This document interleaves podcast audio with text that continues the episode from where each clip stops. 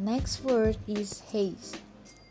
Haze is a noun, means a slight obscuration of the lower atmosphere, especially caused by fine suspended particles.